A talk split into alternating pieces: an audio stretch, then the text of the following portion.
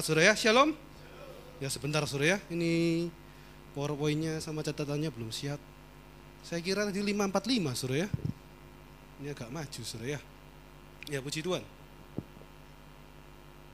Ya puji Tuhan saudara ya. Kalau pada sore malam hari ini kita bisa berkumpul tempat ini, itu nggak kebetulan. Puji Tuhan saudara ya. Kalau saya juga bisa berdiri di tempat ini, hari ini kita mau bicara tentang hamba yang taat dan setia saudara ya. Itu saya percaya nggak kebetulan dan ini satu tema yang menurut saya menarik saudara ya. Menariknya karena apa saudara ya? Ini satu tema yang di mana kita semua di tempat ini, siapa pun Anda, berapa lama pun saudara sudah melayani, suatu proses yang harus kita lakukan dan harus pelajari terus menerus setiap hari. Benar? Termasuk saya, saudara ya. Ketika saya dapat judul firman hari ini, saudara ya, hamba yang taat dan setia, dalam hari itu agak bergumul, saudara ya. Karena ini bukan satu perkara yang mudah untuk jadi seorang hamba Tuhan yang taat dan setia. Setuju? Yang sudah melayani bertahun-tahun setuju? Yang barusan melayani setuju? Saya pun merasa demikian, saudara ya. Apalagi sudah tahu kalau yang kenal saya, saya ini orangnya agak suka uh, membantah, saudara ya. Agak suka ngeyelan, saudara ya. Mungkin beberapa tertawa, saudara ya. Saya memang orangnya agak seperti itu, saudara ya. Bukan karena saya bantahan, tapi apa ya? Kadangkala saya itu kalau disuruh sesuatu yang bagi saya itu nggak masuk akal, saudara ya. Atau bagi saya itu kurang tepat, saya itu cenderungnya suka bantah duluan, saudara ya. Baru nurut surya. Sering kali saya seperti itu. Dan ketika saya dapat firman Tuhan ini surya, harus menyiapkan saya percaya ini nggak kebetulan. Tapi Tuhan punya rencana. Amin. Baik buat saya juga buat saudara. Dan pada malam hari ini kita sama-sama mau belajar surya.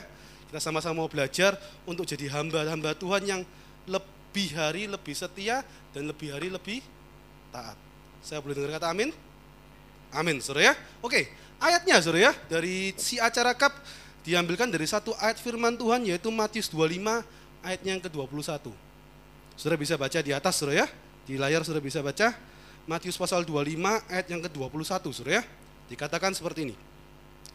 Maka kata tuannya itu berka, maka kata tuannya itu kepadanya baik sekali perbuatanmu itu hai hambaku yang baik dan setia engkau telah setia dalam perkara kecil aku akan memberikan kepadamu tanggung jawab dalam perkara yang besar. Masuklah dan turutlah dalam kebahagiaan Tuhanmu, Surya. Ayat ini ayat yang menarik, Surya, dan kalimat terakhir, masuklah dan turutlah dalam kebahagiaan Tuhanmu. Eh, oh ya, kalimat ini, Surya, baik sekali perbuatanmu. Saudara, eh, siapa pun saudara, ketika suatu ketika, Surya, kita sudah menutup mata, kita mengakhiri perjuangan kita, perjalanan kita di dunia. Ini satu kalimat yang kita rindukan untuk kita dengarkan kita rindukan Tuhan ngomong secara pribadi sama kita. Benar? Ya kan? Ketika kita sudah selesai, namanya orang di dunia ada waktunya ya kan? Gak mungkin selamanya.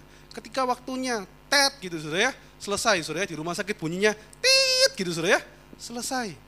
Saudara buka mata, saudara kita punya satu kerinduan, harapan kita Tuhan tuh ngomong baik sekali perbuatanmu, hai hambaku yang baik dan setia. Setuju saudara ya? Ini satu ayat yang kita rindukan kita semua sama-sama alami dan dengar dari Tuhan sendiri buat setiap dari kita. Dan untuk ayat ini, saudara ya, bisa terjadi dalam hidup saya dan saudara. Ada dua karakter hamba yang harus kita miliki yang pada sore malam hari ini kita mau pelajari bareng-bareng. Yaitu jadi hamba yang taat dan hamba yang setia. Dan ketika saya coba uh, persiapkan firman Tuhan pada sore hari ini, saudara ya, setiap tokoh-tokoh di Alkitab yang Tuhan pakai luar biasa, saudara ya. Sudah baca dari kitab kejadian sampai wahyu, saudara ya. Setahu saya, setahu saya, saudara ya, semuanya itu pasti punya karakter taat dan setia. Benar? Saya waktu itu sempat mikir, saudara, waktu mempersiapkan, ada nggak ya contoh-contoh tokoh di Alkitab yang nggak punya taat, karakter taat dan setia, tapi Tuhan pakai? Ada nggak? Dipikir-pikir, sedikit banyak ada saudara. Ada satu Yunus saudara. Saudara tahu Yunus itu kan nggak taat saudara ya. Tapi karena anugerah kemurahan Tuhan saudara ya, Tuhan kejar. Tapi ada yang mau seperti Yunus? Ada yang mau seperti Yunus? Perlu diproses sampai masuk ke perut ikan saudara? Nggak mau saudara ya. Kalau saya mending ikan yang masuk perut saya saudara ya. Jangan saya masuk perut ikan saudara ya. Repot saudara ya. Jangan sampai kita menganggap murah kemurahan Tuhan saudara ya. Saudara bisa baca Roma 2 ayat yang keempat saudara ya. Saya baca di Alkitab, saya coba pelajari semua tokoh-tokoh di Alkitab yang Tuhan pakai luar biasa itu punya karakter taat, mau punya karakter setia. Apa pun latar belakangnya, seberapa hebatnya orang itu, mau dia seorang raja, saudara ya, sampai dia seorang gembala, dia punya karakter taat dan setia. Slide selanjutnya. Slide-nya, nah ini sebagai contoh, saudara, kalau sudah lihat gambar ini, uh, ini cuma sebagai contoh, Abraham, saudara. Abraham itu contoh orang yang taat dan setia, benar? Ketika pertama kali dipanggil, itu butuh ketaatan, saudara. Iman butuh keta ketaatan. Dia nggak tahu dipanggil mau ke mana, benar nggak? Susah nggak, saudara? Seperti Abraham, susah, saudara. Dipanggil suruh pergi, taat. Ketika dia pergi, nggak semuanya mulus, dia harus setia. Ketika dia taat dan setia, Slide selanjutnya. Nah di perjanjian baru firman Tuhan katakan apa? Sebab telah kami katakan bahwa kepada Abraham iman iman diperhitungkan sebagai kebenaran. Saking taat dan setianya saudara ya, iman diperhitungkan sebagai kebenaran. Ketaatan dan kesetiaan Abraham. Abraham taat dan setia. Contoh di Alkitab lain banyak saudara ya. Dan salah, salah satu contoh yang paling luar biasa saudara ya salah satu contoh paling luar biasa tentang ketaatan dan kesetiaan yaitu Tuhan Yesus. Slide selanjutnya. Nah ini saudara ya, Tuhan Yesus itu contoh saudara ya, seberapapun tinggi, apa pun posisi saudara ya, putra manusia Yesus, dia itu bisa taat dan setia. Matius 26 ayat 39, Tuhan katakan apa? Biar kehendakmu yang jadi. Ketika dia menghadapi tantangan, ketika dia menghadapi ujian begitu besar, dia sebagai hamba, dia bisa ngomong apa? biar kehendakmu yang jadi. Dan dia tetap se setia. Amin, saudara. Hari ini kita mau belajar sama-sama jadi hamba-hamba Tuhan yang taat dan setia. Satu perkara yang nggak mudah, tapi kalau kita rindu, kita punya roh kudus, kita pasti bisa. Amin. Kalau saudara rindu sama kita, uh, sering kali kita rindu, Tuhan, saudara baca di Alkitab, mungkin setiap dari kalian, saudara ya, setiap dari kita, kita punya tokoh favorit. Benar nggak? Tokoh Alkitab yang jadi favorit saudara? Misalnya eh, Daud suruh ya. Atau misalnya Paulus atau Daniel. Contoh paling gampang orang tua memberi anaknya itu nama Alkitab. Karena mungkin dia terinspirasi saudara ya sama tokoh Alkitab itu dan berharap supaya anaknya itu bisa seperti tokoh Alkitab yang dipakai namanya benar ya mungkin yang uh, orang tuanya ngasih nama anaknya Yusak gitu saudara ya ada yang nama Yusak di sini Oh ada saudara ya, Yusak Awi saudara ya. Ya mungkin pengen anaknya jadi panglima perangnya Tuhan yang luar biasa. Bener ya? Seringkali kita berharapnya seperti itu gitu ya. Tapi pertanyaan simpel, ngasih nama berharap gampang. Mau nggak bayar harganya untuk taat dan setia seperti tokoh Alkitab yang kita rindukan? Itu yang jadi pertanyaan besar. Kalau pengen tok semua orang pengen, bener nggak? Tapi untuk bisa seperti itu dan rindu, mau nggak kita bayar harganya? Nah hari ini kita mau sama-sama belajar untuk kita jadi hamba-hamba Tuhan yang mau taat dan setia. Baik buat saudara, juga termasuk saya ini ngomong di sini. Kita sama-sama belajar, surya. Karena apa, surya? Uh, saya coba cari referensi, surya, tentang ketaatan dan kesetiaan, surya. Hari-hari ini, surya, saya baca nggak cuma di gereja aja, surya. Di gereja ataupun di dunia luar, surya, di dunia sekuler, yang namanya taat dan setia, surya. Itu terutama, ya taat dan setia itu jadi barang yang relatif mahal hari-hari ini surya. Namanya ketaatan dan kesetiaan itu jadi barang yang mahal bukan cuma di lingkungan gereja tapi juga di dunia surya. Saya baca di Job Street, surya tahu Job Street? Aplikasi kalau saudara mau cari kerjaan ya, saudara bisa buka Job Street, saudara bisa apply kerjaan di sana ataupun saudara mau cari e, pegawai surya, saudara bisa posting e, apa lowongan di sana di Job Street surya ya. Saya baca dia bilang berdasarkan survei surya ya hari-hari ini generasi milenial atau generasi Y, kan sudah tahu ya generasi Y, generasi milenial, saudara ya, itu dalam bekerja, saudara ya, itu cenderung susah untuk loyal, saudara. Uh, statistik mengatakan dari Job Street, saudara ya, itu seseorang itu loyalitasnya in average hari-hari ini generation Y, ya, itu rata-rata 12 bulan. 12 bulan, saudara, cuma setahun tok, ya, dan sangat pendek. Kalau saudara jadi employer saudara, saudara jadi uh, memberi pekerjaan ke orang kalau orangnya nggak loyal saudara, cuma kerja 12 bulan, repot saudara ya.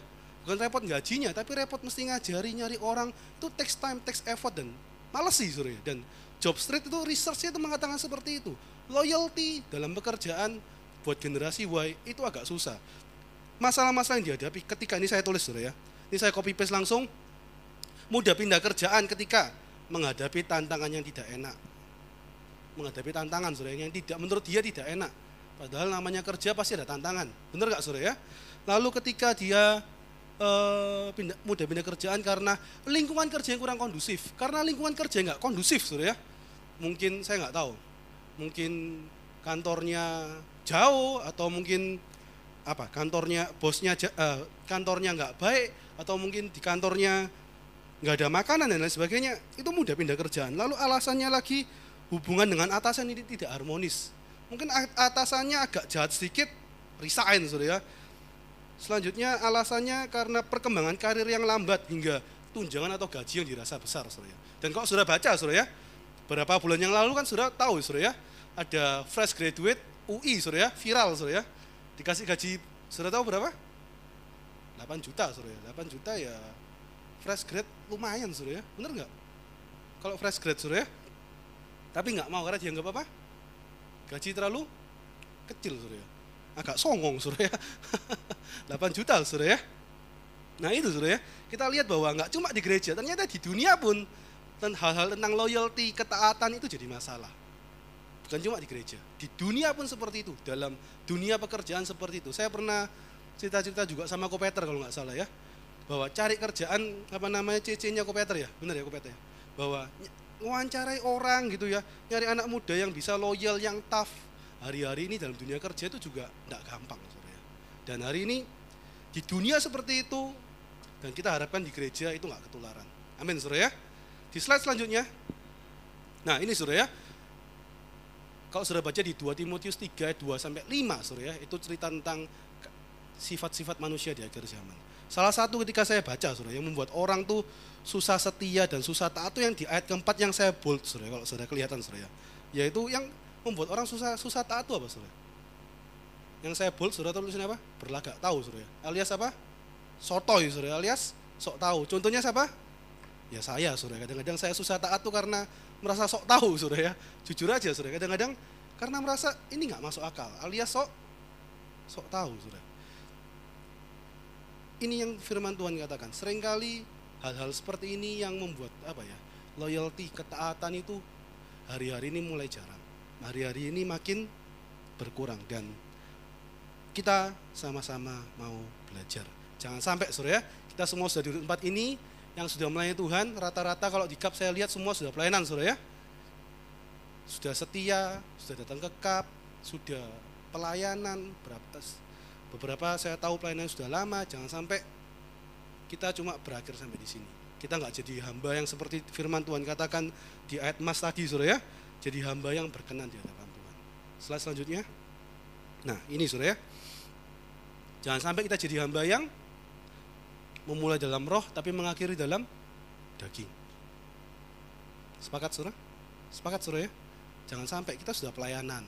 Saya oleh karena anugerah Tuhan 2002 saya pertama kali ke gereja Bukit Saitun pelayanan pertama itu kalau nggak salah 2003 Asyir saudara kalau hari ini oleh karena anugerah Tuhan bisa beri tempat ini sudah 16 tahun saudara ya dan saya nggak mau hal itu terjadi memulai dalam roh dan mengakhiri dalam daging saya percaya di sini banyak yang pelayanan jauh lebih lama daripada saya. Ya kan? Saudara lihat kanan kirinya katakan jangan kita mengakhiri dalam daging.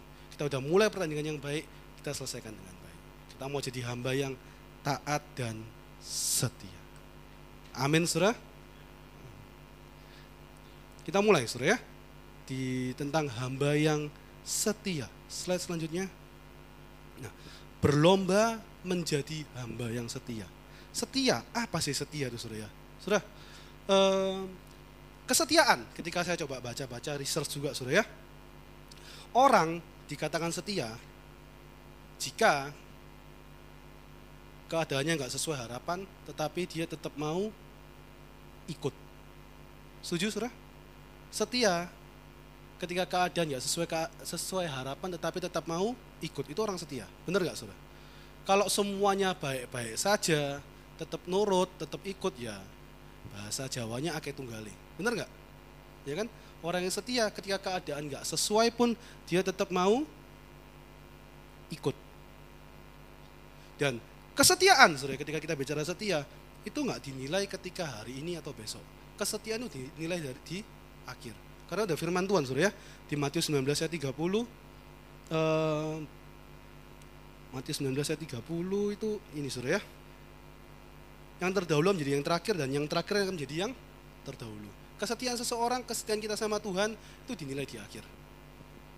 16 tahun pelayanan, 18 tahun pelayanan, 20 tahun pelayanan, tapi kalau di akhir kita nggak setia, itu sama aja dengan bohong. Percuma saudara. Jadi tentang kesetiaan sebelum kita mulai, kita sama-sama sepakat bahwa orang yang setia itu bicara tentang di akhir. Bukan tentang 10 tahun saya sudah pelayanan, 20 tahun saya sudah pelayanan, tapi kalau di akhir enggak tetap setia itu namanya enggak setia. Dan orang yang setia itu dalam keadaan apa pun tetap ikut. Sepakat akan definisi setia? Sepakat semua? Sepakat saudara ya? Oke slide selanjutnya. Apa yang firman Tuhan katakan tentang setia? Ini menarik saudara ya? Ketika saya baca firman Tuhan tentang kesetiaan ada satu ada dua ayat yang menarik saudara ya? Yang pertama Saudara bisa baca di Amsal 20 ayat 6, Saudara ya. Saya coba ayat-ayat yang penting saya tulis semua supaya nggak usah buka-buka uh, HP, Saudara ya. Amsal 20 ayat 6 dikatakan seperti ini. Banyak orang menyebut dirinya oh, banyak orang menyebut diri baik hati. Tetapi orang yang setia siapakah menemukannya? Banyak orang tuh ngomong baik, banyak orang yang bahasa gampangnya Saudara ya. Banyak orang tuh merasa dirinya baik. Banyak orang tuh baik. Ya kan? Tapi orang setia, siapa yang menemukannya? Orang setia itu ternyata ya saudara ya, kalau berdasarkan ayat ini, banyak orang baik tapi yang setia itu sedikit. Kasarannya seperti itu. Menurut ayat ini. Sudah baca lagi yang di Mika 6 ayat 8 saudara ya. Mika 6 ayat 8 dikatakan gini, Hai manusia, telah diberitahuan kepadamu apa yang baik dan apakah yang dituntut Tuhan daripadamu selain berlaku adil, mencintai kesetiaan dan hidup dengan rendah hati di hadapan Allahmu. Sudah. Kata-kata yang kedua, mencintai kesetiaan. Sudah. Jika kita lihat ayat-ayat ini, Surya. Wow, kita mengerti, kita baru melihat jelas, Surya, bahwa kesetiaan itu satu karakter yang di value Tuhan tinggi. Setuju? Dan kesetiaan bukan cuma di value Tuhan tinggi. Ternyata nyari orang yang setia itu enggak gampang. Saya ulangi lagi ya Surya. Kesetiaan itu suatu karakter yang di value Tuhan tinggi Surya. Sudah baca Mika 6 ayat 8 dan nyari orang yang setia ternyata itu enggak enggak gampang. Banyak orang baik, banyak orang yang sungguh-sungguh, banyak orang yang pelayanannya baik, tapi nyari orang yang pelayannya baik dan setia, hamba yang baik dan setia ternyata enggak gampang. Ini ayat firman Tuhan, Surya, bukan saya ngomong bukan statistik, ya. Ada satu kisah yang menarik tentang seseorang yang baik dan seseorang yang baik dan setia. Slide selanjutnya. Nah, sudah bisa lihat ya gambar ini, sudah tahu kisah tentang Ruth dan Orpa, sudah ya. Sudah tahu kisah tentang Ruth dan Orpa. Secara garis besar, kita tahu siapa Ruth, kita tahu siapa Orpa, kita tahu siapa Naomi, sudah ya. Naomi, seorang Israel, sudah ya. Yang pergi ke tanah Moab, sudah sama suami dan kedua anaknya. Ketika dia sampai di sana, anak-anaknya kawin sama orang Moab. Sudah tahu kisahnya, suaminya Naomi Elimelek, sudah ya? Meninggal, anak-anaknya Mahlon Kilon meninggal semua. Sisa Naomi dan dua mantunya. Suatu ketika Naomi memutuskan, oke, okay, saya harus balik ke Israel. Saya harus pulang balik ke Israel. Ketika dia pulang, sudah ya, mantu-mantunya dua-duanya mau ikut. Sampai suatu titik Naomi bilang, kamu kamu gak usah ikut aku. Hidupku ini sudah nggak ada masa depan. Ya kan? Aku nggak bisa memelihara kamu. Sudahlah, kamu pulang ke negerimu, cari oh seneng di sana, nggak usah ikut aku. Ya kan? Ceritanya seperti itu, sudah ya? Bener ya? Sudah tahu juga ceritanya bagaimana dari dua mantunya itu, satu yaitu Orpa, akhirnya memutuskan untuk pulang balik ke kembali ke Moab, sudah. Sedangkan si Ruth dia tetap mau setia. Dikatakan di Rut 1 ayat 16 sudah ya. Ini Rut ngomong gini. Tetapi kata Rut, janganlah desak aku meninggalkan engkau dan pulang dengan tidak mengikut engkau. Sebab ke mana engkau pergi, ke situ jugalah aku pergi. Di mana engkau bermalam, di situ jugalah aku bermalam. Bangsa mula, bangsaku dan Allah mula, Allahku. Saudara, Orpa mantu yang baik enggak? Bagi saya mantu yang baik. Benar enggak? Ketika suaminya enggak ada, dia tetap setia, tetap jaga mama mertuanya. Benar ya? Ruth baik enggak? Sama-sama baik, Surah. Sama-sama baik. Ya kan? Ketika Naomi mau balik ke Moab, dua-duanya itu tetap ngintili, Surah kasarannya. Ya kan? Tetap-tetap mau ikut, Surah. Tapi yang membedakan apa? Ruth baik dan setia. Ruth baik dan setia. Sudah tahu hasilnya orang baik dan setia. Kita tahu semua kisahnya Ruth, ya. Ruth karena dia begitu baik, karena dia begitu setia, hasilnya dia menikah dengan Boas. Ya kan? Sudah tahu Boas itu siapa? Boas, saya rasa semua orang tahu. Berada di garis keturunan Tuhan Yesus. Nah, engkongnya, eh bukan kongnya, saudara Isai ya, Isai Obed, Boas, benar ya? Benar apa salah? Ya pokoknya gitu saudara ya. Itu dari Daud saudara ya. Dan kalau sudah tarik garis lurus dari Boas, itu turun sampai Tuhan Yesus. Ruth mendapatkan satu anugerah yang begitu luar biasa. Mendapatkan anugerah yang begitu luar biasa untuk berada di garis keturunan seorang juru selamat karena dia jadi hamba yang baik dan setia. Sedangkan Orpa, saudara ya, dia meloloskan golden ticket saudara ya, yang seharusnya dia juga punya kesempatan yang sama untuk dia miliki kalau dia mau taat dan setia seperti beda saudara ya.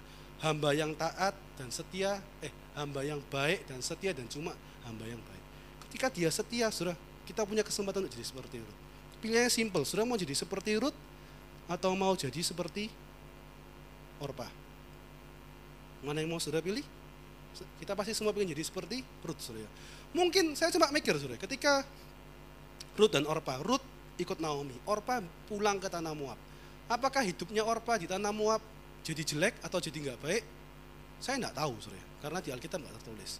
Tapi kalau logika berpikir secara normal, saudara ya, kalau Orpa itu juga seorang wanita yang baik, wanita yang taat, gitu ya, seorang perempuan yang baik. Pasti di sana dia dapat suami yang baik ya, kehidupannya juga bakal baik, benar nggak?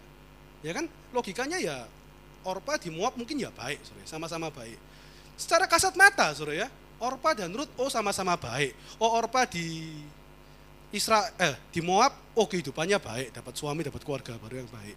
Naomi, eh Naomi sampean siapa? Ruth sudah ya di Israel oh ya baik dapat Boas dan lain sebagainya. Secara kasat mata manusia kelihatannya mungkin saya tidak tahu karena ini saya cuma berpikir saudara ya. Mungkin secara kasat manusia kelihatan sama-sama baiknya. Benar saudara ya? Sama-sama punya keluarga, sama-sama punya suami, mungkin seperti itu saudara ya. Tapi kalau kita lihat ke dalam lagi rencana Tuhan, ada satu perbedaan yang besar. Yang satu baik dan selesai. Yang satu yang setia, dia dipakai Tuhan jadi satu garis keturunannya Tuhan Yesus.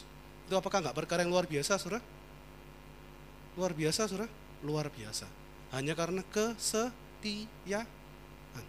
Amin. Dan ada satu ayat, ayat lagi yang menarik, saudara ya. Slide selanjutnya. Slide-nya, saudara. Nah, ini saudara ya. Ulangan 23 ayat ketiga. Kita tahu, saudara ya. Ruth Orpa itu bangsa bangsa Moab. Benar ya? Ruth Orpa itu bangsa Moab. Firman Tuhan katakan tentang bangsa Moab itu apa? Ulangan 23 ayat ketiga. Seorang Amon atau seorang Moab janganlah masuk jemaah Tuhan bahkan keturunannya yang ke-10 pun tidak boleh masuk jemaat Tuhan sampai garis bawah ya sudah. Sampai kapan sudah? Selama-lamanya sudah. Tapi Ruth itu dapat anugerah Tuhan yang begitu luar biasa. Hebat enggak?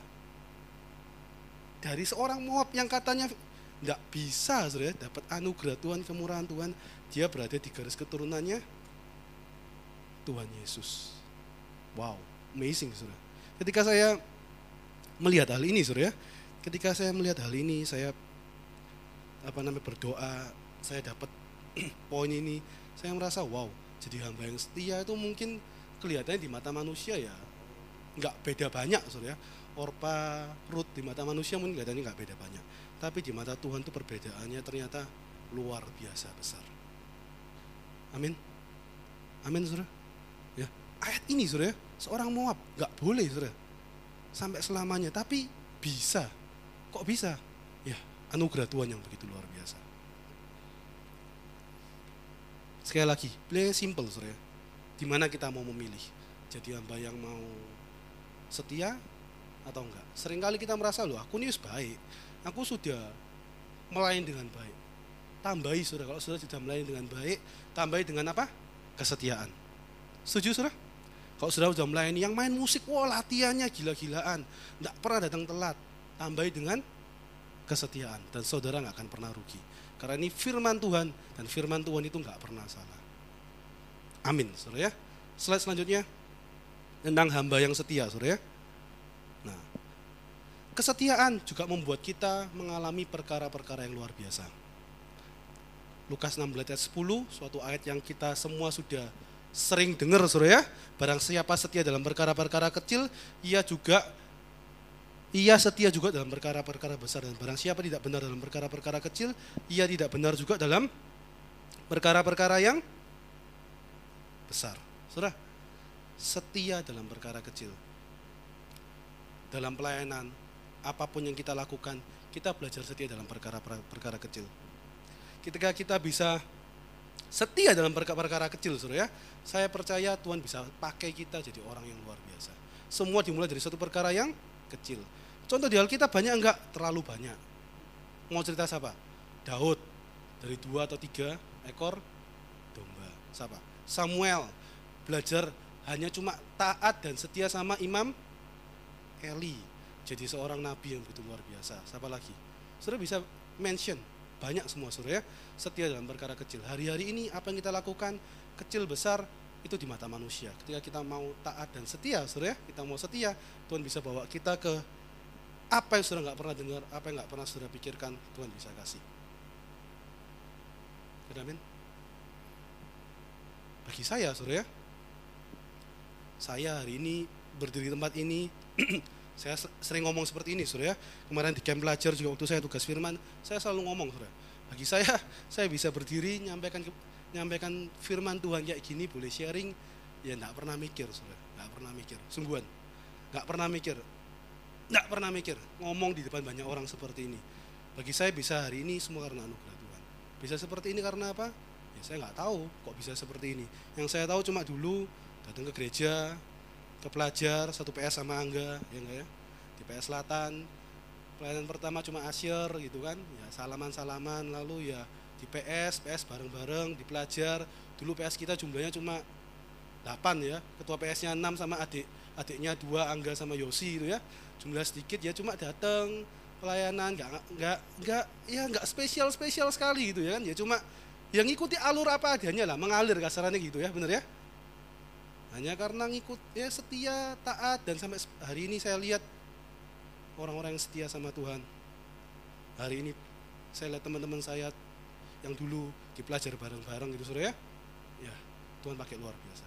Hanya karena setia, Saudara. Hanya karena setia dalam satu perkara yang kecil. Apa pun pelayanan saudara, apa pun yang kita lakukan, kalau kita setia Tuhan bisa pakai. Contoh selanjutnya, slide selanjutnya. Ya ini perbandingan yang paling gampang, saudara. Uh, sebentar. Yang atasnya sebelumnya, sebelumnya ini atas naik naik. Atasnya saudara. Ya, ya, gambar ini. Oke, sip. Tahan sampai di sini dulu. Nah, ini saudara ya. Ini cuma uh, ngasih contoh dua orang yang setia sama nggak setia. Elisa itu setia sama Elia, ya kan? Dia setia sama Elia. Akhirnya Elisa Tuhan pakai luar biasa. Dia dapat dua kali ganda rohnya Elia. Karena setia Surya dibilangi sama orang-orang yang Surya bisa baca ceritanya loh Surya di uh, dua raja-raja. Satu raja-raja apa dua raja-raja? Saya lupa. Dibilangnya kamu coba ikut Elia, tapi dia ngeyel ikut taat-taat hingga akhirnya dia bisa melihat Elia naik ke surga dan dia dapat bagian dua porsi. Karena setia. Satunya lagi Gehasi, ya kan? Ini Bapak Gembala sering cerita, Saudara ya. Harusnya Elia, Elisa, lanjutannya Tapi Gehazi apa? Dalam perkara kecil nggak bisa setia. Dalam perkara mamon dia nggak bisa setia. Dia tergoda, suruh ya. Ngelihat, waduh, ini bosku dikasih cuan-cuanan enak, nggak mau, suruh ya. Wah rugi ya, wes kalau nggak mau aku aja yang ambil, nggak bisa setia. Akhirnya apa? Gehazi kena sakit kustanya Naaman. Ceritanya Gehazi sampai mana? Ya sampai di Alkitab itu selesai, suruh ya. Nggak ada ceritanya lagi. Elisa, ceritanya luar biasa, suruh ya. Sampai dipakai jadi majalahnya Gibeset, suruh ya ya kan? Tulang Elisa karena membangkitkan orang yang mati. Dari perkara kenapa Eli, Elisa bisa seperti itu? Kalau saya lihat saudara, saudara kita saya baca, saudara juga bisa baca di Alkitab. Karena dia setia. Titik. Karena dia setia. Titik, saudara ya. Benar, saudara ya. Karena dia setia. Dan ayo kita belajar setia dalam perkara kecil. Amin, saudara. Karena kalau kita nggak bisa setia dalam perkara kecil, dalam perkara besar pun kita pasti nggak bisa. Statistik, survei, saudara-saudara sendiri bisa tahu. Di dunia, orang banyak, saudara. Katanya di dunia itu generasi satu itu mendirikan, generasi kedua membesarkan, generasi ketiga dalam bisnis, saudara ya, itu membuat jadi hancur. Ya kan? Sering dengar istilah seperti itu? Ya kan? Kenapa generasi ketiga menghancurkan? Perkaranya simpel, karena nggak memulai, nggak pernah memulai dari perkara kecil langsung ujuk-ujuk terima perusahaannya sudah sudah besar. Nggak pernah mulai dari perkara kecil, langsung terima perkara besar. Kalau orang tuh nggak punya mindset, mentality dan kemampuan, ya, dikasih perkara besar langsung, pasti langsung habis. Bener? Setuju? Setuju nggak? Pasti langsung habis. Saudara bisa baca juga di uh, uh, suruh apa namanya di internet, saudara ya. Saudara tahu orang-orang yang menang lotre? Menang lotre, saudara tahu? Menang lotre? 80% dari orang yang menang lotre, sudah tahu kalau menang lotre itu dapatnya duit banyak, saudara. Ya. Ada beberapa nama uh, saya lupa namanya, Michael Sapa, Sapa, Sapa, saudara. 80% dari orang yang menang lotre dapatnya itu bukan 10 juta, 20 juta, saudara ya. Tapi berapa puluh miliar, berapa ratus miliar. 80% dari orang yang menang lotre setelah beberapa tahun itu jatuh bangkrut dan jatuh lebih hancur daripada posisi dia sebelumnya itu suruh itu statistik suruh. Sudah bisa bisa search di internet. Lottery winner uh, afterward atau sudah ketik aja. Itu 80% saya pernah dengarkan di khotbah saya pernah juga li, uh, search sendiri beberapa nama. Itu lebih hancur daripada sebelumnya. Kenapa? Karena dalam perkara kecil nggak bisa setia dapat duit besar langsung bingung suruh ya. Bingung buat foya-foya. Bingung buat buat cari senang akhirnya hidupnya jadi hancur. Karena dalam perkara kecil nggak bisa setia. Kalau sudah mau rindu dipakai Tuhan belajar kita setia dalam perkara. Amin. Selanjutnya. Nah ini surya, kesetiaan surya. Dalam kesetiaan, ketika kita ngomong tentang kesetiaan, ada dua komponen yang harus ada. Yang pertama, kesetiaan tuh selalu ada komitmen. Dalam kesetiaan selalu ada kata-kata komitmen. Benar? Kesetiaan selalu ada komitmen. Komitmen itu apa sih Surya? Ketika saya baca Surya, saya search di internet komitmen. Arti kata komitmen Surya. Ini saya copy paste langsung. Suatu keadaan di mana seseorang membuat perjanjian, keterikatan baik kepada diri sendiri maupun kepada orang lain yang tercermin dalam tindakan atau perilaku tertentu yang dilakukan secara sukarela maupun ter terpaksa. Orang setia itu harus punya komitmen, ya kan? Karena keadaan nggak mungkin selalu mulus. Dalam pelayanan apakah keadaan selalu mulus? Enggak. Contoh paling gampang, suami istri ketika dia janji nikah, ya kan janji nikah kan, yang sudah menikah gitu kan, janji nikah. Saya eh, janji nikah GBZ ya Pak ya. Uh, saya lupa sudah karena waktu itu saya salah satu baris hilang sudah ya. Ini membuka aib sudah. Ya, pokoknya saya berjanji untuk setia kepadamu dalam keadaan suka, su, suka, duka, dan bla bla bla, so on sudah ya. Sudah ketika sudah uh, menikah, orang saling mencintai, dia itu berjanji untuk setia. Artinya apa? Mengikatkan diri, mengikatkan diri untuk sama-sama berkomitmen dalam keadaan suka ataupun enggak. Baik kasarannya baik secara sukarela ataupun terpaksa akan tetap setia. Kalau saudara mau setia sama Tuhan, setia jadi hamba yang setia, saudara, saudara harus bisa punya komitmen, memaksakan diri saudara untuk tetap ikut apa pun yang terjadi meskipun dalam tanda kutip itu harus terpaksa nggak sesuai ego saudara nggak sesuai kasarannya saudara ya nggak sesuai visi saudara, nggak sesuai kerinduan saudara. Kalau selama itu dari Tuhan, itu memang pimpinan Tuhan, kita harus belajar untuk se setia. Karena dalam pelayanan sekali lagi nggak semua itu berjalan dengan mulus. Benar? Yang sudah lama pelayanan? Ya? Benar ya? Dalam pelayanan sudah bisa menemukan apa aja? Slide selanjutnya. Slide selanjutnya. Nah, dalam pelayanan sudah bisa menemukan apa? Konflik dengan sesama pelayan Tuhan. Benar atau salah? Benar saudara, kita manusia sama manusia. Bisa saudara. Amsal 27 ayat 17, ayatnya sudah terkenal. Besi menajamkan besi, manusia menajamkan sesamanya, saudara. Di Alkitab, tokoh Alkitab pernah bertengkar enggak? Pernah, saudara. Paulus dan Barnabas pernah eker-ekeran enggak? Paulus sama Kefas pernah eker-ekeran enggak? Ya pernah. Ini rasanya biang keroknya Paulus, saudara ya. Kok Paulus terus, saudara ya? Ya enggak tahu, saudara ya. Bercanda. Cuma di Alkitab pun apa ya? Perselisihan itu bisa ada. Tapi yang membedakan apa? Tidak saling membenci, tetapi tidak lari, tapi mau me menyelesaikan di dalam kasih. Tetap setia. Yang jadi masalah apa? Pelayanan, sama-sama hamba Tuhan, sama-sama mungkin sudah lama pelayanan. Ada konflik, eh lari pindah gereja, eh lari tidak mau pelayanan. Itu masalah, saudara. Benar? Orang yang setia mengikatkan diri secara sukarela ataupun terpaksa karena punya komitmen. Benar? Benar atau benar? Ya. Kalau sudah rindu melayani Tuhan jadi orang yang setia, hamba Tuhan yang setia, ada masalah, ya ya ya ini namanya pelayanan. Besi menajamkan besi, manusia menajamkan sesamanya. Setelah selanjut, uh, selanjutnya apalagi keadaannya nggak ideal. Ya, banyak sudah ya. Mungkin sudah pelayanan, sudah merasa apa?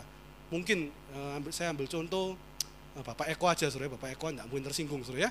Mungkin ketua kapnya, aduh ketua kapnya ini kok enggak akomodir gitu ya kok apa kolot misalnya seperti itu diajak diskusi tidak bisa otoriter semuanya sendiri misal saudara ya. Seperti itu saudara ya.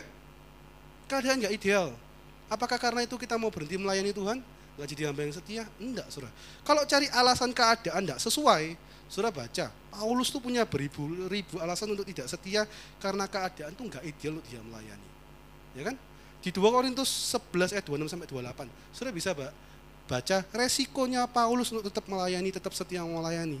Itu bukan cuma ego, bukan cuma sakit hati, bukan cuma tersinggung. Resikonya itu adalah nyawanya, saudara. Resikonya itu nyawanya. Ada yang di sini kalau kita pelayanan, kita meresikokan nyawa kita? Setahu saya belum ada, saudara. Paling banter ya sakit hati, saudara. Rasanya wah mencek no gitu ya. Rasanya kok dibilang itu nggak ngerti kamu no. Terus dibilangin dikasih masukan sih bener kok nggak ngerti-ngerti itu, saudara ya paling banter sakit hati seperti itu saudara ya paling ya paling banter mungkin ngerasa jengkel saudara ya pelayanan mungkin ngerasa aduh ini sama pemimpin gitu saudara sama rekan sepelayanan. Ya fair aja saudara saya juga pernah seperti itu saudara saya terbuka aja. Tapi at the end of the day saudara ya ketika kita mengalami hal itu apa pilihan kita? Kita mau lari atau kita tetap setia melayani Tuhan dan kita bisa saling mengasihi dengan sesama kita? Ingat sesama kita pelayan Tuhan kita sama-sama manusia. Kalau sudah pernah disakiti oleh orang lain, oleh rekan saudara, oleh pemimpin saudara, kalau sudah pernah merasa disakiti, saya bilangi, di lain pihak jangan-jangan saudara juga pernah menyakiti orang lain. Benar gak? Secara nggak sadar. Ya kan? So, belajar punya kasih. Belajar tetap setia. Keadaan nggak ideal dan Bapak Gembala selalu ngomong, keadaannya nggak ideal di dunia ini ada itu untuk membuat saya dan saudara tumbuh. Kalau ideal semua ya sudah di surga aja. Mau usah pelayanan. Ya kan? Kita mau sama-sama setia. Selanjutnya Surya, kalau kita bicara setia itu harus punya komitmen. Yang kedua ini menarik Surya. Setia itu harus punya satu inisiatif atau aktif. Harus punya satu inisiatif Surya. Kalau sudah baca di Matius 25 ayatnya yang ke-14 sampai ke-30 itu cerita seorang tuan yang mempunyai tiga orang hamba. Dikasih lima, dua, dan satu talenta. Benar saudara ya? Lima, dua, dan satu talenta. Nah, saudara, saudara tahu kisahnya semua. Yang lima jadi, Yusak, eh, lima jadi berapa Pak Yusak? Sepuluh gitu ya, benar, benar. Lima jadi sepuluh, dua jadi empat, yang satu tetap jadi satu. Saudara, ketika saya coba baca cerita itu, saudara, bagi saya, bagi saya, saudara, ketika saya baca itu, tiga hamba ini semuanya sama-sama setia Setia dalam apa? Menjaga milik tuannya. Ya kan? Sama-sama setia enggak? Setia. Yang lima jadi sepuluh, yang dua jadi empat, yang satu tetap jadi satu. Enggak hilang sudah. Tetap di tetap dijaga. Enggak hilang. Benar ya sudah ya? Tetapi yang membedakan apa? Yang lima aktif dikerjakan jadi sepuluh, yang dua aktif dikerjakan jadi empat, yang satu dibiar biarkan. Sudah, dalam kita melayani Tuhan, jangan kita cuma setia aduh yang penting aku sudah ke gereja, yang penting aku sudah melayani. Ya sudah cukup. Enggak, Saudara. Tuhan mau ketika kita jadi hamba Tuhan yang setia, Saudara ya. Terus kembangkan apa yang Saudara punya buat Tuhan. Amin. Seringkali saya ya saya pernah dengar, Saudara ya. Saya pernah dengar, wes gereja terserah terserah yang penting apa namanya yang penting aku pelayanan alias jadi pelayan Tuhan mentalnya mental apatis, Saudara. Apakah itu apakah itu baik? Surah, kalau kita lihat cerita ini, surah, itu kita nggak beda sama hamba yang punya satu talenta. Setia cuma sekedar setia. Yang Tuhan mau, orang yang setia sama Tuhan, itu harus punya satu inisiatif, harus punya satu aktif. Amin.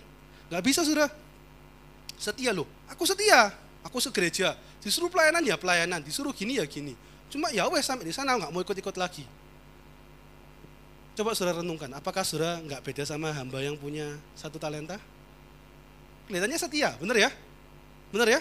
Kelihatannya setia. Tapi kak, pertanyaannya apakah itu berkenan di hadapan Tuhan atau enggak, saudara? Apakah itu berkenan di hadapan Tuhan?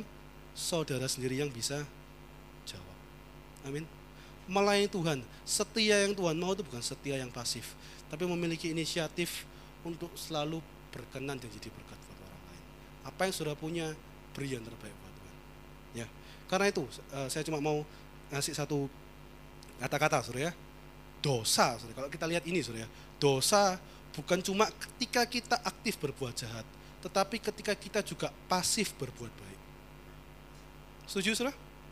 Saya ngambil quote ini, saya terinspirasi dari Yakobus 4 ayat 17, surya. Yakobus 4 ayat 17, saudara bisa baca ayatnya.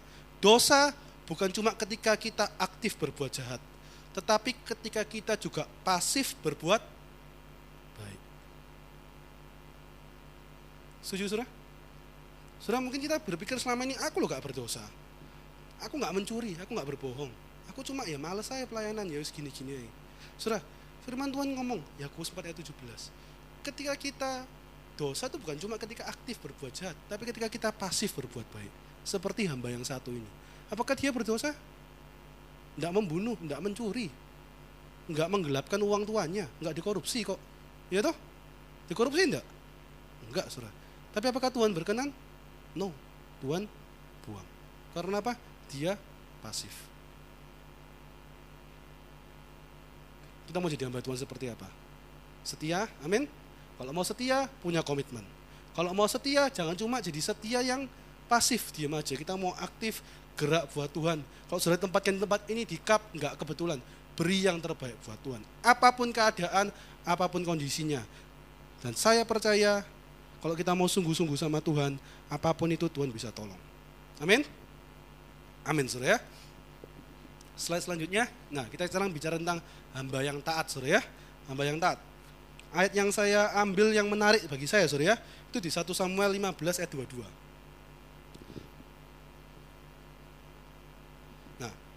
uh, firman Tuhan katakan, tetapi jawab Samuel, apakah Tuhan itu berkenan kepada korban bakaran dan korban sembelian sama seperti kepada mendengar suara Tuhan?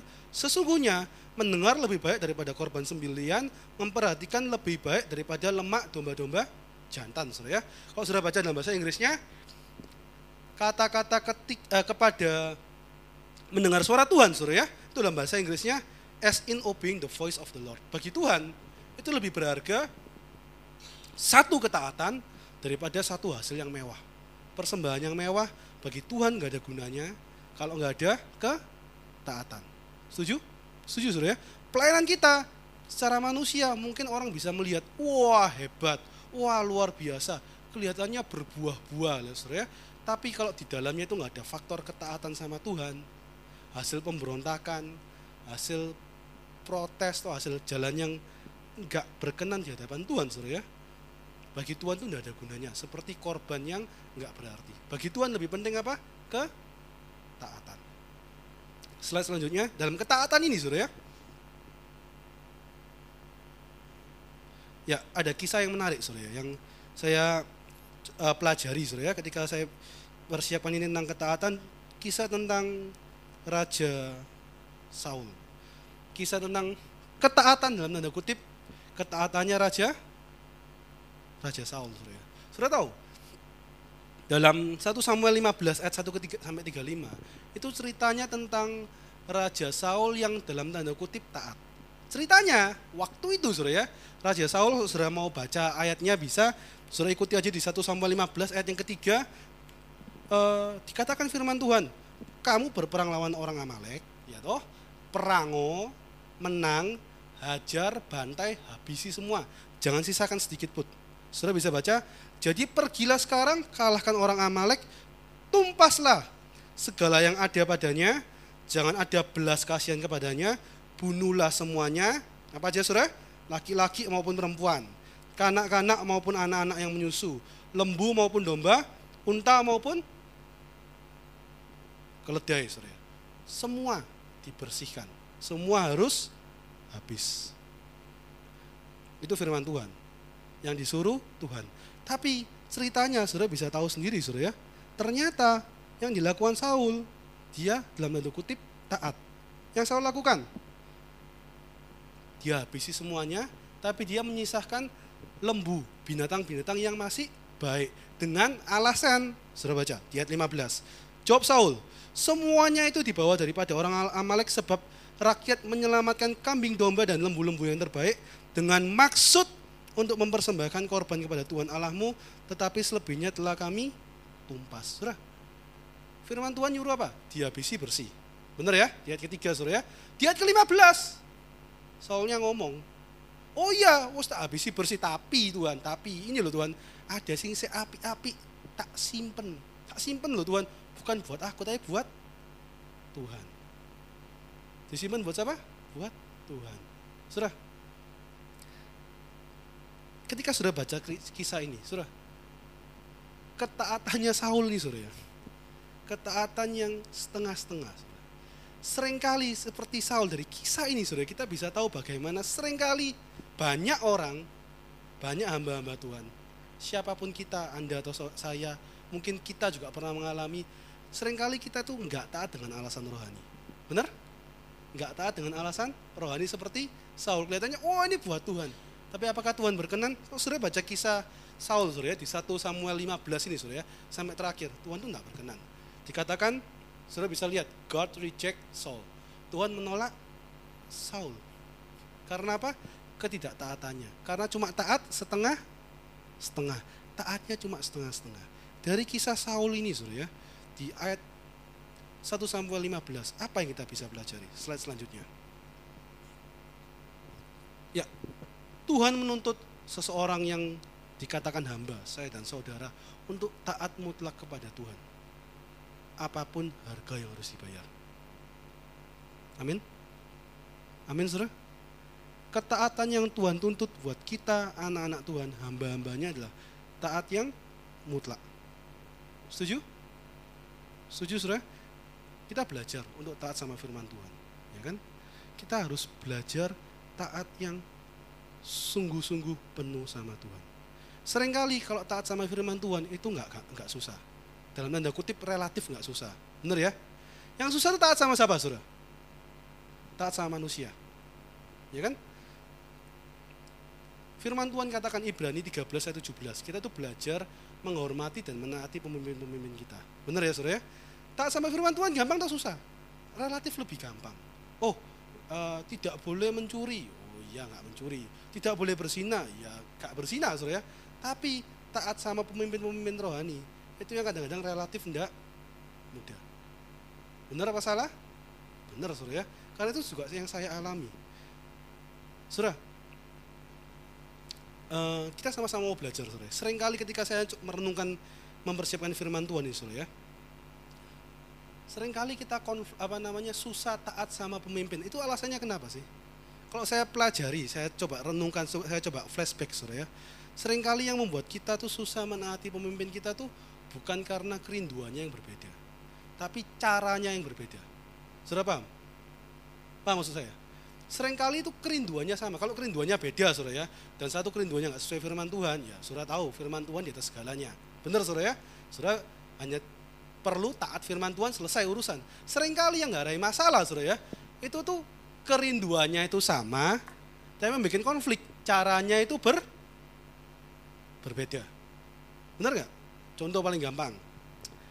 Ya ini contoh sehari-hari Mungkin kita berpikir, oh ya hari-hari ini di akhir zaman, ya kan, anak muda penting gimana caranya mereka itu tumbuh supaya bisa tumbuh kenal Tuhan, makin mengasihi Tuhan itu kita perlu ini contoh saudara ya, PS-nya digalakkan, kalau bisa satu minggu sekali.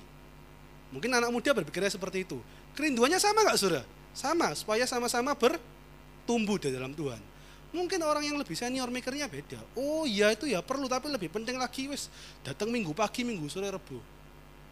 Sih beda cara. Kerinduannya sama nggak saudara? Sama. Seringkali konflik terjadi karena apa? Bukan karena beda kerinduan. Kerinduannya sama tapi karena beda cara. Benar? Itu salah satu contoh. Ya kan? Contoh yang lain banyak nggak? Banyak saudara. Saya nggak nggak cerita karena karena waktu. Tapi yang saya mau katakan saudara ini yang saya pelajari, saudara. Dan saya percaya ini yang firman Tuhan katakan bagi saya, bagi kita, saudara, ketika kita menghadapi hal seperti itu, kita berhak, saudara. Kita bisa untuk ngomong. Setuju, saudara?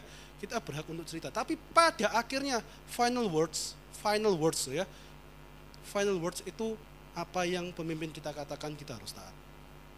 Setuju? Final wordsnya itu terserah pemimpin kita. Dan kalau kita mau taat, percayalah, Bapak Gembala selalu ngomong, kalau kita tuh sungguh-sungguh sama Tuhan, boleh ada beda. Tapi kalau ketika mau taat sesuai pimpinan Tuhan, sesuai dengan yang firman Tuhan katakan, Tuhan nggak pernah membiarkan pekerjaan Tuhan itu untuk jadi bangkrut. Om Yusuf selalu ngomong seperti itu, ya kan? Kalau kita mau taat sama Tuhan, Tuhan tuh nggak akan pernah membiarkan pekerjaan Tuhan itu bangkrut. Ada aja caranya Tuhan untuk menolong dan mengubahkan. Ada aja caranya. Setuju, saudara? Dan kita belajar, saudara. Saya belajar ketika saya melihat hal itu, ya boleh kita merasa bahwa enggak harus seperti ini gitu ya. Caranya enggak seperti itu harus seperti ini. Tapi ketika pemimpin sudah eh, mengeluarkan satu final statement belajar kita untuk taat. Apa pun resikonya percaya Tuhan yang campur tangan Tuhan yang bekerja bukan kita. Ya kan? Kalau kita mau taat sama Tuhan taat firman Tuhan tanggung jawab di tangan siapa? Di tangan Tuhan ya kan? Apa yang kita bingung, saudara ya? Seperti ilustrasi, saudara ya. Kalau saudara pergi dari Surabaya mau ke Malang, misalnya seperti itu. Saudara sama satu, misal dua orang, sopir satu sama penumpang satu. Ada dua jalan yang berbeda. Ketika mereka berdiskusi, harus lewat kanan atau kiri. Kalau sopirnya ngomong lewat kiri, saudara ya. Yang penumpangnya nurut, oke, okay, lewat kiri. Tanggung jawab di sopir atau di penumpang? Sopir, saudara ya mau sopir, sopirnya lewat kiri, mau yang penumpangnya tidur, gak apa-apa, pasti sampai. Karena tanggung jawab di sopir, sopir yang tahu jalan. Tapi ketika sopir dan penumpang-penumpangnya ngomong, enggak, lewat kanan, tanggung jawab di sopir atau penumpang? Di penumpang, penumpang bisa tidur enggak? Ya enggak bisa, harus buka mata, harus ngomongi sopir jalannya lewat mana. Ya kan? Sama, ketika kita mau taat sama Tuhan, tanggung jawab di tangan siapa? Tuhan, saudara. Tanggung jawab di tangan Tuhan. Jadi kita sudah taat sama Tuhan, kita mau taat ya sudah kita serahkan sama Tuhan, biar Tuhan yang tolong, biar Tuhan yang bekerja. Amin. Amin, saudara. Amin, saudara ya. Slide selanjutnya ini contoh, saudara yang luar biasa. Kisah dari Daud, saudara. Saudara tahu? Daud tuh pernah, eh, saudara tahu ceritanya semua. Daud tuh mengusulkan, dia punya kerinduan. Tuhan, aku rindu Tuhan, membangun satu bait Allah yang luar biasa buat Tuhan. Aku pengen bangun dengan kerinduan yang baik. Benar nggak saudara? Secara manusia ini kerinduan yang baik nggak? Baik sekali saudara ya. Bahkan e, Nabi Nathan ya waktu itu ya, tanpa nanya Tuhan langsung ACC, oke, jalan saudara ya. Sampai dia barusan jalan, lalu Tuhan ngomong, oh enggak, enggak Daud, tapi keturun keturunannya. Kalau dibilang Daud sakit hati, bisa nggak sakit hati? Bisa saudara ya.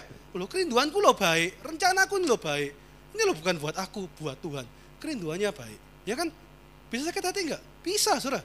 Tapi ketika Tuhan ngomong, bukan kamu, Salomo. Apa Daud sakit hati? Dia melakukan orang, dia melakukan hal yang luar biasa, saudara. Bukan cuma dia nggak sakit hati, saudara, tapi dia mensupport rencana itu gila-gilaan. Ya kan? Benar nggak? ketika rencananya nggak di ACC sama Tuhan, ketika usulnya nggak di ACC sama Tuhan, dia bukan cuma nggak sakit hati, tapi dia support gila-gilaan, dia support dengan sepenuh hati apa yang menjadi rencana Tuhan yang mungkin nggak sesuai dengan keinginan dia. Mungkin dia ingin sebelum aku mati, aku pengen lihat satu bait Allah yang baik, satu kerinduan yang baik, ya kan? Tapi Tuhan apa? Nggak kamu, anakmu, titik selesai. Daud apatis, apakah Daud marah, apakah Daud ogah-ogahan? Ya wes lah gitu. Kalau Tuhan mau gitu ya sudah. Enggak, saudara. Daud mempersiapkan dengan baik. Dia support hal itu. Bisakah kita sama seperti Daud? Bisakah kita hari ini jadi hamba-hamba seperti Daud seperti itu? Kalau kita bisa, saudara, Tuhan akan pakai kita juga seperti Daud. Amin, saudara. Ya. Disupport, saudara. Usulnya nggak diterima, ada usul lain, nggak sakit hati, tapi di disupport seperti Daud. Luar biasa, saudara. Kalau kita sebagai hamba-hamba Tuhan di gereja ini, bisa punya prinsip, bisa punya sikap seperti ini. Wow, dikap, dipelajar, saya percaya, wow, gereja kita bakal jadi luar biasa, saudara. Kerjasama, support satu dengan yang lain terhamba Tuhan akan jadi suatu hal yang luar biasa. Saudara bisa bayangkan, saudara ya. Slide selanjutnya, nah ini ini juga hasil perenungan saya, saudara ya. Seringkali kita tuh uh, susah taat, banyak usul, banyak protes, banyak keinginan, banyak kerinduan, fine itu enggak apa-apa. Satu perkara yang baik, ya kan? Kalau orang nggak pernah speak up, orang nggak pernah ngasih masukan, jangan-jangan saudara itu cuma jadi orang yang apatis, saudara ya. Speak up, usul ngomong, e, masukan satu perkara yang baik. Tapi sering kali, saudara ya, kita tuh banyak ngomong, ya kan? Banyak usul, tapi pertanyaannya simpel. Ini termasuk buat saya. Pernahkah ketika kita ngomong kita juga berdoa buat gereja kita? ya kan? Sering kali kita tuh banyak ngomong wah nggak bisa om nggak bisa kok kok harus gini. Wah itu nggak tepat. Oke okay, fine pertanyaannya simple apakah saudara juga mendoakan?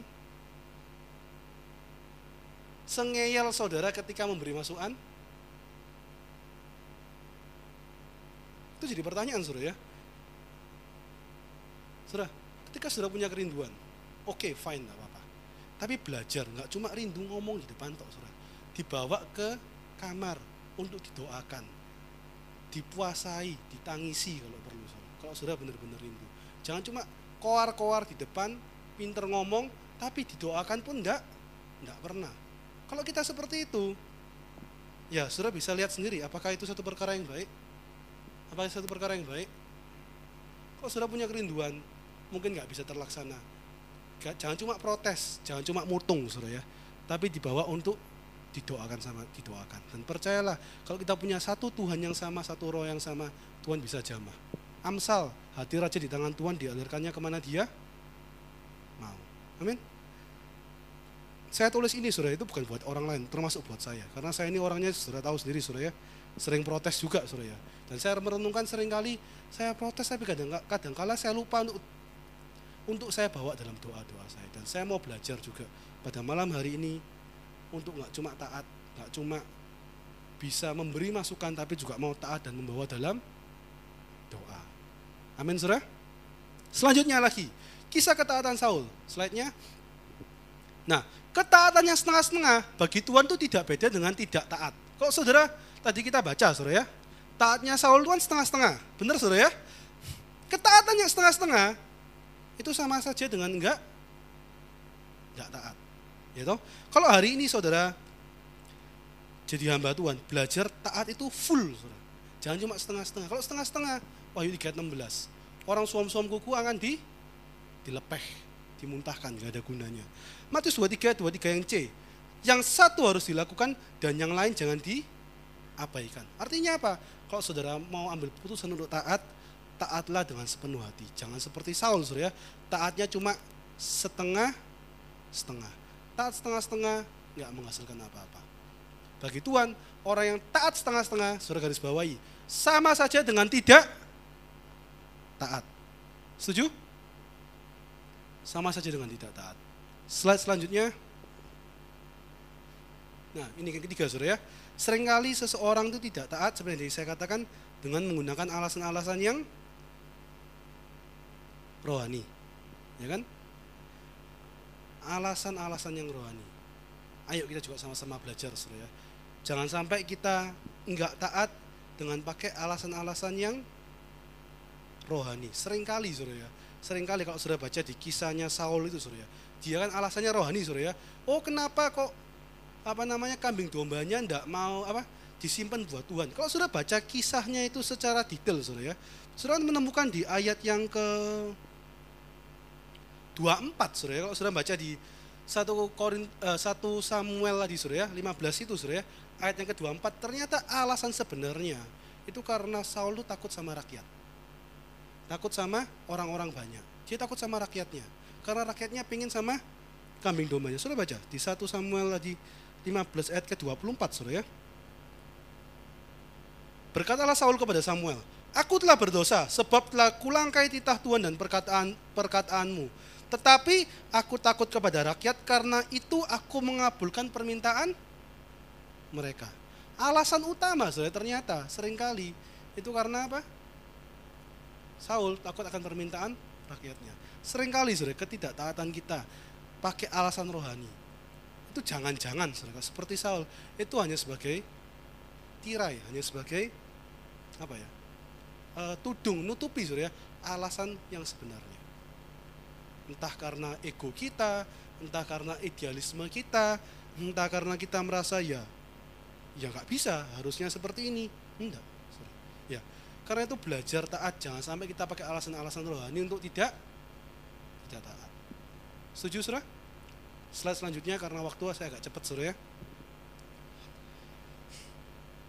Slide selanjutnya. Nah, Saudara, kalau Saudara mau lihat contoh orang yang taat penuh suruh ya. Sudah bisa, sudah tahu ini ceritanya tentang siapa? Gambarnya nggak jelas suruh ya. Ini ceritanya tentang Daud sama Saul suruh ya. Daud itu punya kesempatan untuk membunuh Saul paling nggak dua kali. Ya kan? Dalam keadaan Saul itu nggak bisa apa-apa. Yang satu ketika Saul itu di dalam gua lagi buang air. Yang satu lagi ketika Saul tertidur dan Daud persis ada di sebelahnya. Secara secara logika, Saudara ya. Pertama, Daud sudah diurapi Tuhan jadi raja. Benar ya? Saul itu dosanya macam-macam dan sampai orang uh, prajuritnya Daud tuh dua kali ngomong bahwa ini nggak kebetulan Tuhan punya rencana. Lihat ini loh sekarang tinggal kamu jojo bless saudara ya. Orangnya sudah mati saudara. Tapi apakah hal-hal yang kelihatannya menguatkan dan rohani itu bisa membuat Daud nggak taat sama firman Tuhan? Enggak dia tetap taat sama firman Tuhan. Dia nggak pernah mau menjamah orang yang diurapi Tuhan. Karena itu saudara, sekali lagi, jangan sampai kita pakai alasan-alasan yang rohani untuk membenarkan ketidaktaatan kita. Setuju saudara? Jangan sampai kita memakai alasan-alasan yang rohani untuk membenarkan ketidaktaatan kita. Selanjutnya, nah ini cuma, cuma sebagai gambar saudara ya. Jadi hamba yang taat, Yesaya 6 ayat 8 saudara. 2, 2 Timotius 2 ayat 4 jadi hamba yang selalu siap berperang buat Tuhan. Selanjutnya cepat aja. Nah, ini saudara ya, hamba yang taat tuh ayat emasnya kalau Om Yusuf selalu pakai itu tentang hamba yang buta tuli. Tahu saudara ya? Yesaya 4 19, siapakah yang buta selain dari hambaku dan yang tuli seperti utusan yang kusuruh? Siapakah yang buta seperti suruhanku dan yang tuli seperti hamba Tuhan, saudara ya? Saya kasih di sana gambar robot hanya sebagai ilustrasi kalau Bapak Gembala selalu ngomong kalau hamba yang taat itu seperti robot saudara, disuruh ke kanan ke kanan, disuruh ke kiri ke kiri, nggak kakean, nggak banyak protes. Slide selanjutnya kesimpulan saudara, cepat aja. Nah, pemimpin pujian bisa maju ke depan, bantu buat nyanyi, main musik. Ya, kesimpulan saudara ya. Melayani Tuhan, jadi hamba yang taat dan setia yang utama itu bukan untuk kita tapi untuk menyenangkan hati Tuhan. Amin. Ketika kita taat dan setia terutama taat itu semua untuk menyenangkan hatinya Tuhan. Setuju Saudara? Setuju Saudara? Yang kedua, siapa pun yang mau setia dan taat sama Tuhan, mau jadi hamba Tuhan, latar belakang saudara itu nggak ngefek. 1 Korintus 7 1 Korintus 1 ayat 27. Tuhan sanggup pakai siapa pun saudara untuk kemuliaan nama Tuhan asal kita mau taat dan setia. Amin, Saudara. Yang selanjutnya. Yang selanjutnya uh, slide terakhir Saudara ya. Ini cuma uh, beberapa hal-hal yang menurut saya penting kita belajar saudara. Kita melayani Tuhan itu bukan karena upah tapi karena kita mengasihi Tuhan. 1 Korintus 9 ayat 18 saudara. Kalau saudara baca ini ayat yang begitu luar biasa saudara. Firman Tuhan katakan uh, Paulus mengatakan bahwa aku melayani bukan karena upah tapi karena ya bukan karena upah saudara ya. Yang kedua Lukas 17 ayat 7 sampai 10 kita melayani kita itu sebagai hamba. Jangan pernah kita merasa sombong. Melayani itu anugerah Tuhan. Yang terakhir 1 Korintus 15 ayat 10 apa yang kita bisa capai hari ini semua itu hanya karena kemurahan Tuhan. Amin, saudara. Sebelum kita akhiri, kita sama-sama mau belajar, saudara. Kita mau jadi hamba yang taat dan setia. Saudara semua mau amin? Semua mau amin? Kita sama-sama belajar, bukan cuma buat saudara, termasuk buat saya.